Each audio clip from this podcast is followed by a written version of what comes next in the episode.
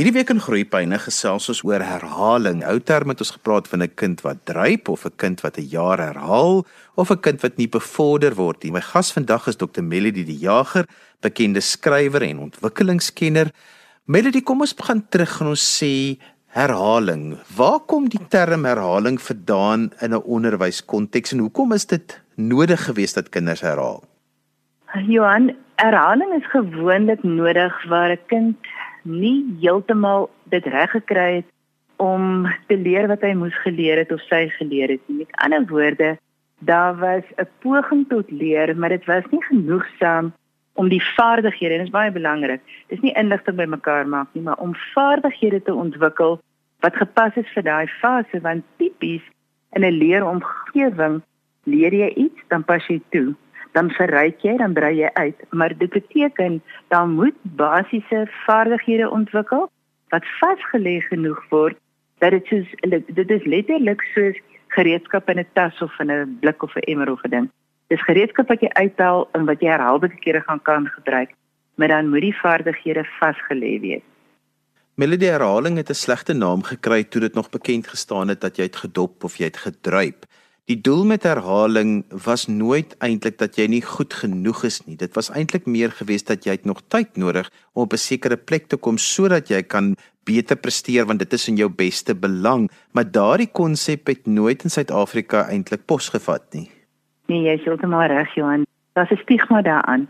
En dit word baie keer verkwansel onder die ding van maar dit is sleg vir 'n kind se selfbeeld as hy dalk iets iewers of sy dalk moet herhaal, maar 'n mens vergeet as 'n kind nie vaslegging het en daarmee saam gereed is vir wat kom nie, met blink oë en met 'n regop ruggie en jy weet dit maak nie saak hoe oud jy is nie. Elke fase in 'n mens se lewe en in, in veral in, in terme van skool is daar 'n nuwe hekkie waaroor 'n mens moet spring.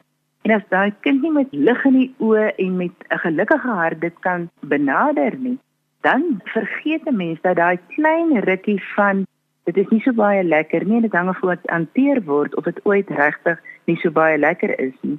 Ehm um, die jong kinders herhaal graag want dit beteken eintlik hulle kan nog 'n bietjie speel. Want ons ontneem jong kinders dikwels die vermoë of die geleentheid om genoeg te speel. Einstein het ons gesê speel is die uh, hoogste vorm van navorsing. So ons ontneem partykeer 'n jong kind die geleentheid om genoeg te speel, om so ryp genoeg te word vir dit wat kom. As 'n ouer kind herhaal en 'n mens hanteer dit goed, mens verduidelik dinge mooi. Ek wil dis 'n gesprek. Dit is dis nie gemaklik om met jou maats maats gaan aan en jy bly agter. Op partykeer is dit 'n eenmalige, mm, nie so lekker nie, maar dan is die res van die pad soveel makliker. Kom ons spaar die kind nou en dan kry die kind regtig swaar vir die jare om te kom. So dis altyd 'n baie moeilike keuse. Wat is regtig in die beste belang vir die kind op die lang termyn? Dan weeg ons die korttermyn en die langtermyn te mekaar op. Melody, dit is hierdie tyd van die jaar nogal belangrik dat ons hierdie gesprek moet hê want baie keer is dit juist die tyd wat meneer en juffrou nou die ouers of die versorgers inroep om te sê, weet jy, ek is nie doodseker dat jou kind gaan gereed wees vir die volgende graad aan die einde van die jaar nie en dalk het hulle nog 'n bietjie meer tyd nodig, maar ouers is heel reg daarmee dat kinders eintlik teen hulle eie pas kan ontwikkel, maar hulle wil nog steeds sê die kind moet voortgaan na die volgende jaar toe. En jy stel dit altyd so mooi wat jy sê, nie alle kinders gaan die bruggie tussen sê net maar informele leer wat voorskool gebeur en formele leer op dieselfde tyd oor nie. En 'n mens moet daai ruimte hê dat baie kinders nog so klein bietjie meer en langer aan die informele kant van die rivier moet wees voordat hulle oor die bruggie kan gaan na die formele kant want dit gee hulle eintlik 'n voorsprong as hulle gereed is om daai bruggie oor te gaan.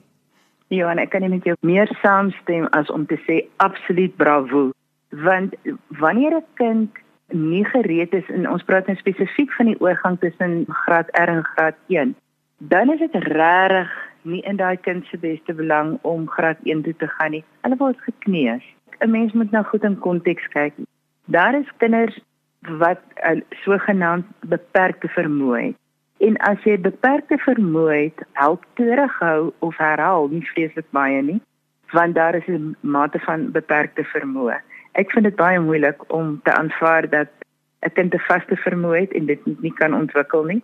Maar ek weet die navorsing sê 'n mens moet die realiteit daarvan in die oog kyk.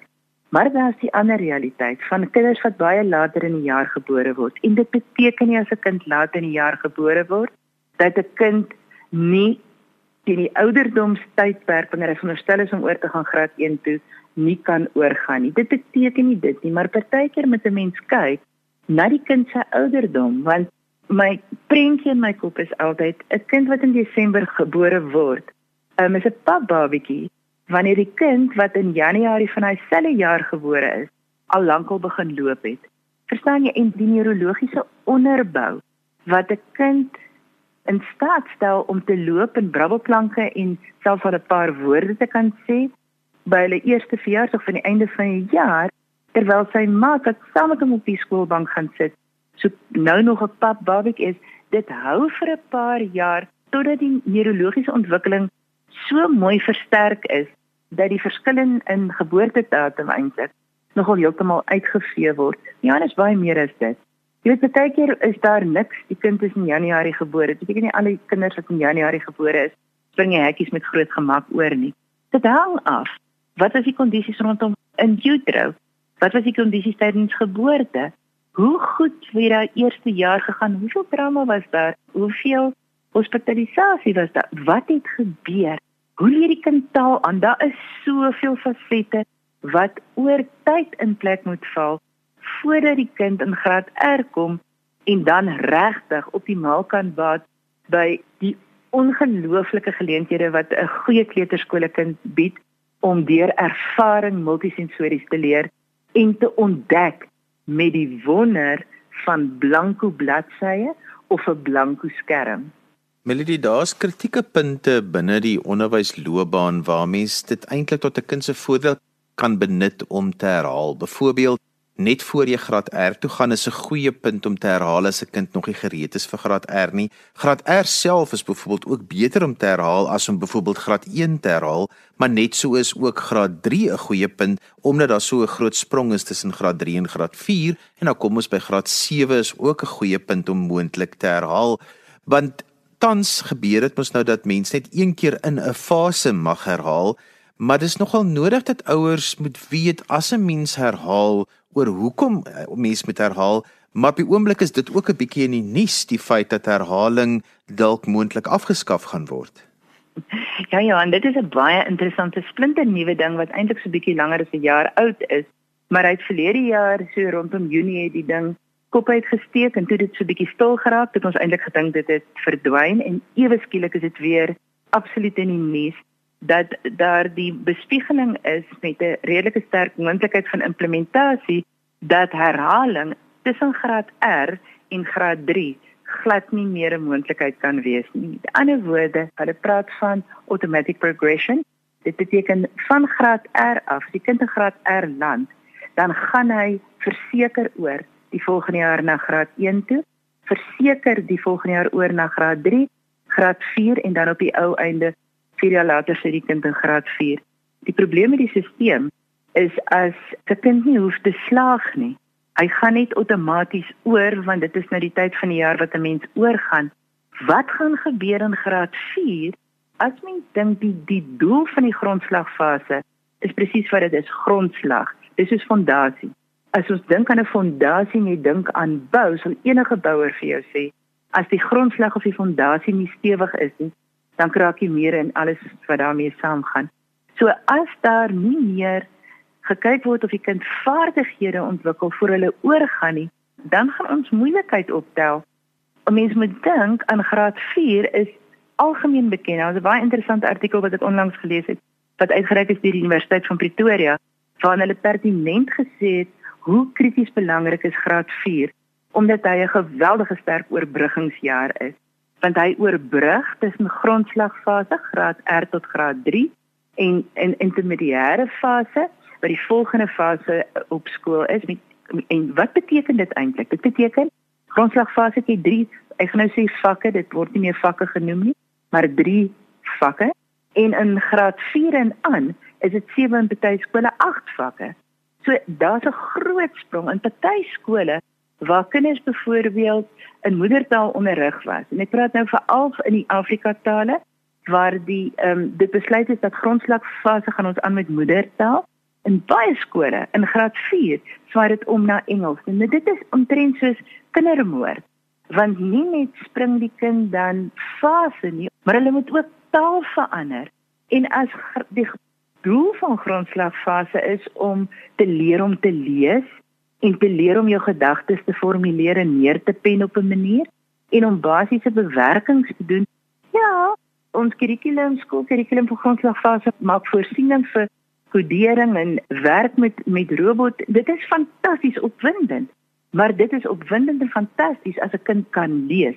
Die basiese vaardighede van lees en lees met begrip bemeester het want in graad 4 moet jy leer om te studeer en dit is baie verskillend.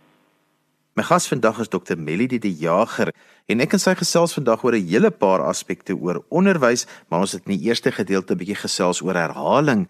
Melody, maar wat vir my belangrik is is dat ons ook moet gesels oor wat het president Cyril Ramaphosa in die staatsrede gesê. Hy het gesê dat alle 10-jariges moet kan lees met begrip. Hoekom het hy spesifiek 10-jariges gekies en watter impak het dit op ouers se lewens? Hoekom het hulle kennis neem daarvan? Johan, ek is so bly jy raak dit aan. 10-jariges tipiese graad 4 kind. Met ander woorde, hier is ons terug by graad 4. Dis 'n ongelooflike belangrike fase soos ons klaar gesê het en ons bespiegel in die onderwys dat dit in respons is teen die vreeslike teenstand oor hierdie geen herhaling in die grondslagfase. Jy sien, ehm um, volgens die SAOI, die Suid-Afrikaanse Onderwysers Unie se persverklaring, het hierdie hele gedagte van geen herhaling sy oorsprong in Finland, in Kanada, in ehm um, Nieu-Seeland en 'n paar ander lande waar hulle 'n beleid het dat kinders glad nie herhaal nie. En dit is wonderlik dat daar lande is waar so iets werk. 'n Mens moet net jouself afvra, is ons besig om appels met appels te vergelyk? Het ons land dieselfde infrastruktuur as wat daardie lande het waar so beleid suksesvol uitgeoefen word. Met ander woorde, 'n mens moet kyk na hoe groot is hulle, hoeveel kinders is daar in hulle klasse, byvoorbeeld in die grondslagfase. Hoeveel is hier by ons? En nou moet ons ook onthou, ons moet van alle kinders in ons land praat. Ons kan nie van 'n privaat skool alleen praat nie. Ons moet van alle skole praat want so ons kinders moet almal 'n gelyke gelyke geleentheid kry.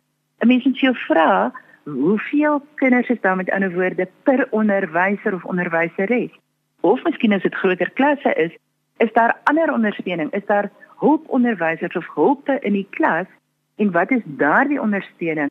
Is daar by alle skole terapeute om hierdie kinders te ondersteun op 'n manier wat miskien nog so 'n bietjie aanmoediging nodig het in 'n volgende fase wat in daardie lande beskikbaar is, maar nie noodwendig by alle kinders in ons land nie. So die probleem is in die skole waar die um, ouer um, onderwyser tot kind rasio laag is. Daar is dit baie makliker om te remedieer, groepwerk te doen, te ondersteun die sterker kinders, lekker uit te daag, die kinders wat 'n bietjie meer um, uitdagings het, beter te ondersteun. Maar ons kan nie as daar 40 plus kinders in 'n klas is vir 'n onderwyser of onderwyseres verwag om nie net toe te pas vir die kinders nie geleer het nie, maar te remedieer, dit is dit maak net eenvoudig nie sin binne ons spesifieke konteks nie. Johanna, nou 'n ander punt wat ongelooflik belangrik is. Mens moet vir jouself vra, hoeveel tale word gebesig in daai verskillende lande in terme van by die skool? Jy sien ons het 'n algemene beleid wat sê begin met moedertaal, vestig jou konsepte in 'n moedertaal en swaai dan oor na die taal van besigheid van kyk die doel van onderwys is tog om 'n kind voor te berei vir die lewe van werk vir die groter lewe daar buitekant wat tipies in 'n Suid-Afrikaanse konteks in Engels is. So dit beteken as ons byvoorbeeld ek gaan nou kyk na enige plaaslike informele gemeenskap. As mens kyk hoeveel tale word daar gepraat, so wat gaan die moedertaal wees wat in die voorskool um, gepraat gaan word? So so nou raak dit 'n ongelooflike moeilike situasie. Want nou praat 'n klomp kinders 'n klomp verskillende tale. So wat praat die onderwysers? Hulle praat so 'n mengseltaal om by almal uit te kom. En dan soos ons vroeër gesê het in graad 4 met baie van daai kinders nou oorskakel na Engels toe as taal van onderrig. Taal is die basiese boublokke van denke. Hoe dink jy sonder taal? So dit is 'n baie baie komplekse probleem. Dit is nie maklik nie, maar ons waardering vir ons president se se standpunt is ongelooflik want dit wil lyk asof dit regtig 'n prioriteit in ons land raak om seker te maak ons kinders tot op die ouderdom van 10 grondslagfase vestig hulle leesvermoë en nie net lees om te lees nie, maar lees met begrip. Want Johan, as 'n kind nie kan lees nie, hoe gaan 'n kind somme doen? Hoe gaan 'n kind om om of haarself later gaan kan uitdruk? verbaal uitdruk, op skrif uitdruk, want dis tog jou vingerafdruk in die wêreld daar buitekant. En as 'n kind nie geletterd is nie, hoe in die dagtes lewe bly so 'n kind in die skool? So jou vraag was, hoe beïnvloed dit ons almal as ons kinders, al die kinders in ons land, nie leer om regtig met insig en begrip te lees en hulle gedagtes ongelooflik netjies en duidelik neer te pen op 'n manier nie is die kans dat die kinders vinnig uit die skool gaan en dan moet ons nou maar realisties wees, hulle moet ook oorleef. So dan wend jy outomaties na onwettige um, bedrywighede en goed soos dit. So dis van kardinale belang dat ons ons president ondersteun in sy benadering tot tot lees vir die 10-jariges want as daai fondasie stewig is, is daar regtig hoop vir ons land om 'n stewiger werk mag die wêreld te kan instuur later. Melody, dit is nogal belangrik dat ons as ouers en versorgers 'n rol speel in hierdie proses. Ons kan nie net van die skole verwag of van die departement van onderwys om hierdie te doen nie. Ons as ouers en versorgers het 'n bepaalde rol te speel om kinders sover te kry dat hulle op 10 jarige ouderdom met begrip kan lees. Ja, en dit begin klein klein klein. Wanneer ons vir 'n kind storie lees. Storie kyk die stories op die TV is verskriklik mooi. Daar's sulke mooi video's. Maar daar's min dinge so fantasties as om naby iemand te sit, so naby dat jy hulle kan ruik letterlik, want dit het so impak op op die kind se emosionele ontwikkeling en dan lees ons iets saam en dan praat ons daaroor. En hierdie baie belangrike ding van saam lees later aan, want as ons so saam saam lees, dan word dit so 'n saam saam ding van woordeskat ontwikkel.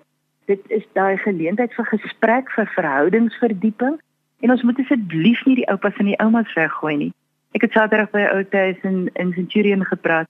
Ek het regtig 'n beroep op die ouer huis gedoen om uit te reik na die plaaslike skole toe in die naskoolsentrums waar ouers lang ure werk.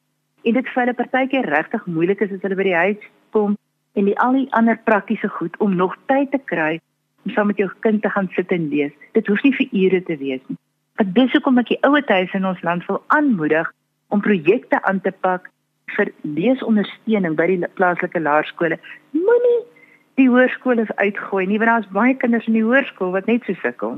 Ja, my bydrae wat ek wil lewer is dat dit eintlik die belangrikste is dat 'n mens vir jou kinders moet stories vertel in sy moedertaal, dat jy met jou kind gesels en dat jy vir jou kind rympies en liedjies sal leer. As jy daardie dinge doen, dan lê jy die basis vir baie goeie taalontwikkeling, maar dit is belangrik dat dit in die kind se moedertaal of huistaal sal wees, die taal wat die kind die meeste hoor, maar daardie rympies en liedjies en stories, daar's niks wat dit kan vervang nie.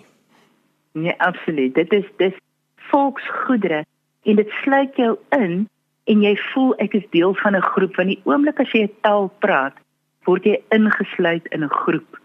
Melody, ek weet jy wil graag verder gesels oor die onderwerp as ouers of versorgers met jou wil kontak maak, julle daar by Baby Gym en Mind Moves, hoe kan hulle by julle uitkom? Gerus vir ons sommer 'n nota op die webblad gaan gaan aanbring. Dit is www.mind.moves.co.za. Ons gesels graag verder. En so gesels Dr. Melody de Jager en jy kan weer na vandag se program luister as 'n pot gooi. Laai dit af by resgep.co.za. Skryf gerus vir my 'n e e-pos by groeipyne@resgep.co.za. daarmee groet ek dan vir vandag. Tot volgende week van my Johan van Lille. Totsiens.